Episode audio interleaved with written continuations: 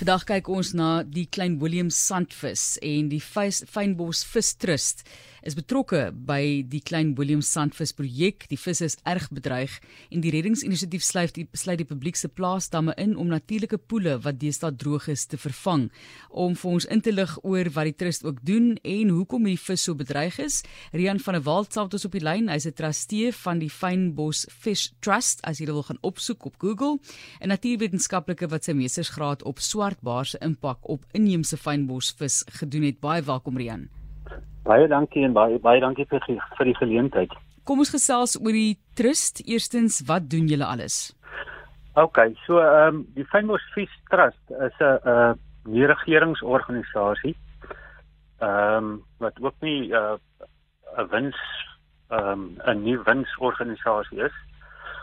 En ehm um, ons fokus basies op die bewaring van fynbos visspesies. Ehm um, ja, so ons doen ons raak betrokke by projekte om hulle te bewaar en dan ook bewusmaking. En nou ehm um, net om die luisteraars sal miskien wel weet hoekom noem ons dit fynbos vis. Ehm um, baie mense is bekend fynbos is 'n is 'n term vir vir plante groei wat in die winter reënvalstreek voorkom. So dit strek basies van ehm um, Nieuwoudtville in die noorde tot by Port Elizabeth. En uh, in visterme uh word dit genoem die Kaapse Plooiberge ekostreek. En ehm um, ja, baie min mense weet hoeveel visse in hierdie area voorkom. Die die plante groei is baie bekend aan mense. Maar min mense weet dat daar 40 formele beskryfde inheemse varswater vis spesies in hierdie streek voorkom en 28 oftewel 70% van daai visse is bedreig. En 92 van daai 40 spesies is ook endemies wat beteken hulle kom net in daai streek voor en geen ander plek in die wêreld nie. En ja, so daar's 'n behoefte vir so 'n uh, trust uh om bewaring te doen aangesien die staat het al minder befondsing deesdae vir sulke projekte en hulle fokus meer op hulle statutêre reservate en hulle het op uh nie meer die kundigheid om hierdie tipe bewaring te doen nie.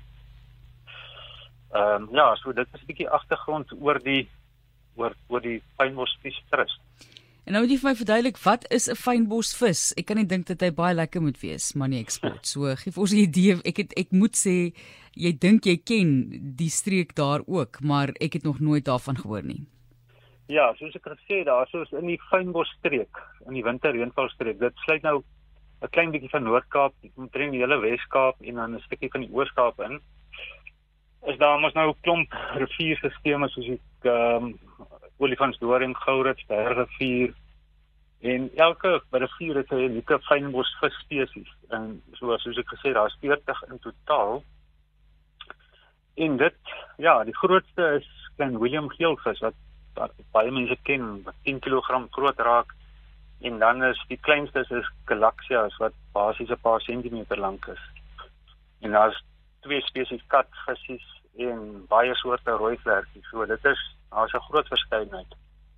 Kom ons gesels oor die sandvis self. Wat is dit en waar word hulle gevind? OK. Die die regte naam vir die sandvis is die klein William sandvis. Ehm um, sy wetenskaplike naam is Labioseberi en hy is endemies tot die Olifantsdoring rivierstelsel. So die Olifantsdoring rivierstelsel is basies van Ceres tot Calvinia en hy die die, die Olifantsrivier uh, mond uit in by naby Papendorp aan die Weskus. En sy opvanggebied sluit in die Koue Bokkevel, die Cederberg, die Tankwa-Karoo, die Handamberge. Dit is 'n geweldige groot area en daar is behalwe die klein William sandvis is daar nog 10 ander varswater visspesies in hierdie rivierstelsel. En ehm um, nege van daai van die elf spesies is ehm um, ook bedreig en endemies. So hulle daai visse kom net in daai rivierstelsel voor. Nou 'n sandvis ehm um, ja, dis een van die groter spesies in die Olifantsdoring rivier. Hulle kan tot 60 cm lank raak en dan weeg hulle ongeveer 5 kg en hulle is taamlik lank lewend tot 40 jaar En ehm um, 80 jaar gelede was daar geweldig baie gewees in die die, die, die historiese rekords praat van duisende en duisende van hierdie sandvisse wat in hierdie rivierstelsel en sy sytakke voorgekom het. Maar ongelukkig ehm um, ja, is dit nie meer die geval nie. Ek gaan nou daaroor praat. Die die sandvis, Klein Willem sandvis se rooi data status is op die oomblik bedreig en dit word as die mees bedreigde migrerende varswatervis in Suid-Afrika beskou. Nou sandvis is ook uniek aangesien hulle anders as die meeste van die ander fynbos spesies voed hulle net op alge en detritus wat hulle met hulle monde van die klippe van die rotse in die fynbosriviere afskraap. Ehm um, so is alles baie bekend as visserman want omdat hulle op alge voed is word hulle maklik met visstokke gevang nie. En uh, ja, hulle bekke is plat en dit sit half onder hulle kop en van daar is die uh, kom die bynaam onderbek. Ehm um, so dit is een van die byname wat die visse kry het, onderbek. En dan soos ek gesê die afname van die sandvis ehm um, wat veroorsaak dat hulle nou 'n bedreigde status is het gebeur ehm um, tussen 1935 en 1939 is daar uitheemse roofvisse uit ehm um, Noord-Amerika af ingevoer na Suid-Afrika. Onder andere drie spesies swartbaars, kleinbek ehm um, in die uh, spotted en die grootbek swartbaars en dan ook blouwang sonvis. En hierdie visse is in ons al ons riviere in die Weskaap basies vrygelaat as vir vir hengeldoel doeleindes en hulle het 'n geweldige impak gehad op die sandvis. Dit is oor die die hoofrede hoekom die getalle van sandvis so min geraak het is die uitheemse vis. Maar daar is ook ander redes. En uh, die die ander redes is oormatige wateronttrekking baie keer vir landbou of ander doeleindes. Uitheemse plante groei en dan soos julle weet in die in die Olifantsrivier is die klein Willem in die Bulshoek dam gebou. Dit het ook hulle migrasieroutes in daai gedeelte van die rivier gestop. En heidaglik het ons ook agtergekom klimaatsverandering het ook 'n invloed op die sandvispopulasies. Jy praat nou so van die invloed op die bevolkingsgrootte. Kom ons gesels dan oor hoekom dit rooi data status bereik het. Hoekom is dit so bedreig die sandvis? Wel, ja, so ek eh, die, die grootste impak is maar die die swartbaars. Ehm um, uh die die olifantsdoring rivierstelsel daai 11 spesies wat wat die sandvis insluit. Hulle is nie een van hulle is eintlik werklike roofvisse nie. Hulle is almal insekteters. Die sandvis is algeëter. So nou bring jy 'n uitheemse roofvis in van Noord-Amerika en hulle en hulle het uh, hulle kan alles tot 25 cm kan hulle opspeel. So waar die inheemse visse broei kan hulle die kleintjies word net opgeëet. Ehm um, ons het onlangs al opname gedoen van die hoofstroom van die Doringrivier en dit basies net swartbaars en blouwang sonvis en enkele groot sandvisse. So daar die die aanwas van van die inheemse visse is baie laag nou dat die die uitheemse visse toegeneem het. Kom Ons gesels oor 'n projek ook wat julle nou geloods het, Saving Sandfish projek en hoe mense ook daarbey betrokke kan raak. So ons weet nou daar's 'n rede dat die sandvis gered moet word, groot uitdagings. Wat doen julle dan in die projek om die getalle te vermeerder? OK, so die wat ons doen, hierdie projek word gelei deur uh, Dr. Jeremy Shelton. Hy is van die Freshwater Research Centre in Kaapstad.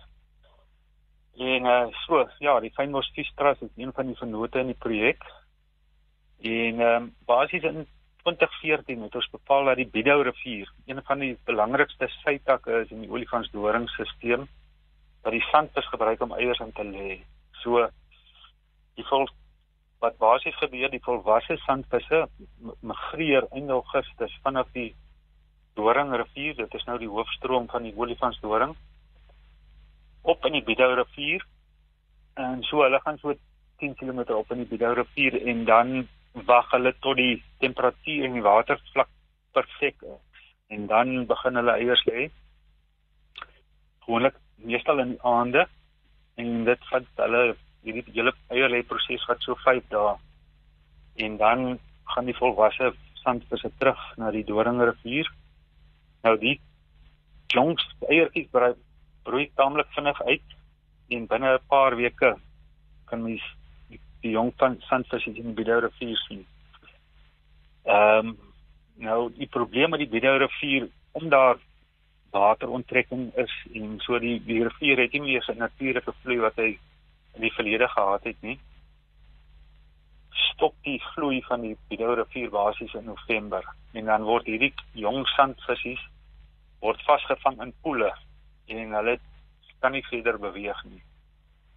En ehm um, en teen die einde van die somer droog die Bidou rivier heeltemal op. So daai duisende jong sandvisse gaan basies tot niet.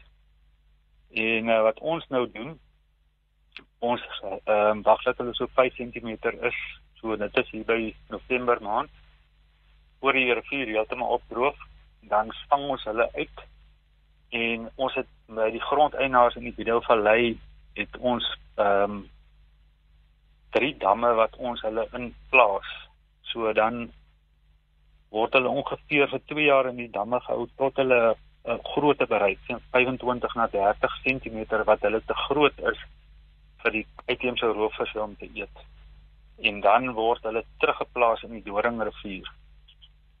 En ehm um, ja, net om paar getalle te gee, ons het die afgelope 3 jaar ongeveer 15000 jong sandvisse in drie damme geplaas. Ons het nou vir jaar het ons nog twee damme bygekry, so ons gaan die ons kan die projek nog uitbrei. En ehm um, ja, en ons het uh, wat interessant, ons het omtrent 2000 van hierdie jong sandvisse wat voor ons hulle weer vrylaat, het ons sit ons 'n uh, akoestiese tag basies uh, die groot van 'n reiskorrel wat ons onder die vel inplant, so ons kan hulle bewegings monitor.